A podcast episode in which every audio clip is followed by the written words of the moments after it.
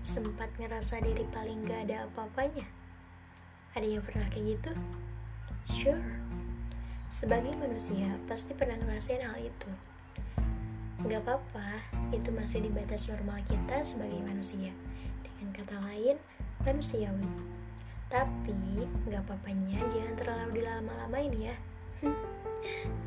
Kayaknya kita lupa deh sama apa yang pernah Allah bilang dalam Quran Surat Atin ayat 4.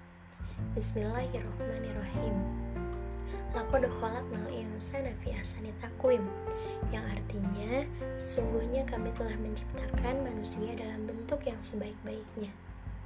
Tuh kan, apa yang Allah bilang? Seharusnya kita selalu ingat sama ayat itu, tapi kadang kita lupa. Itu karena kita kurangnya bersyukur dan bertafakur. Astagfirullahaladzim. Selalu saja lihat sisi negatif kita.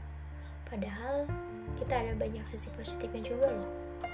Kalau kita mau memaksimalkan kemampuan kita, coba deh untuk memulai walaupun itu kadang sulit.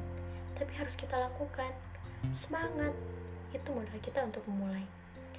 Dan kebanyakan dari kita berpaling dari sikap syukur, sibuk dengan permainan dunia dan hal-hal yang melalaikan seharusnya kita jadi the people of alhamdulillah yang mana kita harus terus bersyukur atas apa yang Allah berikan dan Allah titipkan untuk kita.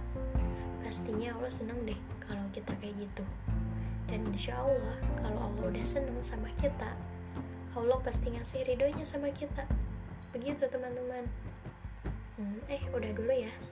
Terima kasih teman-teman karena udah mau dengar suara dari orang biasa ini. Tetap semangat dan jangan lupa selalu bersyukur.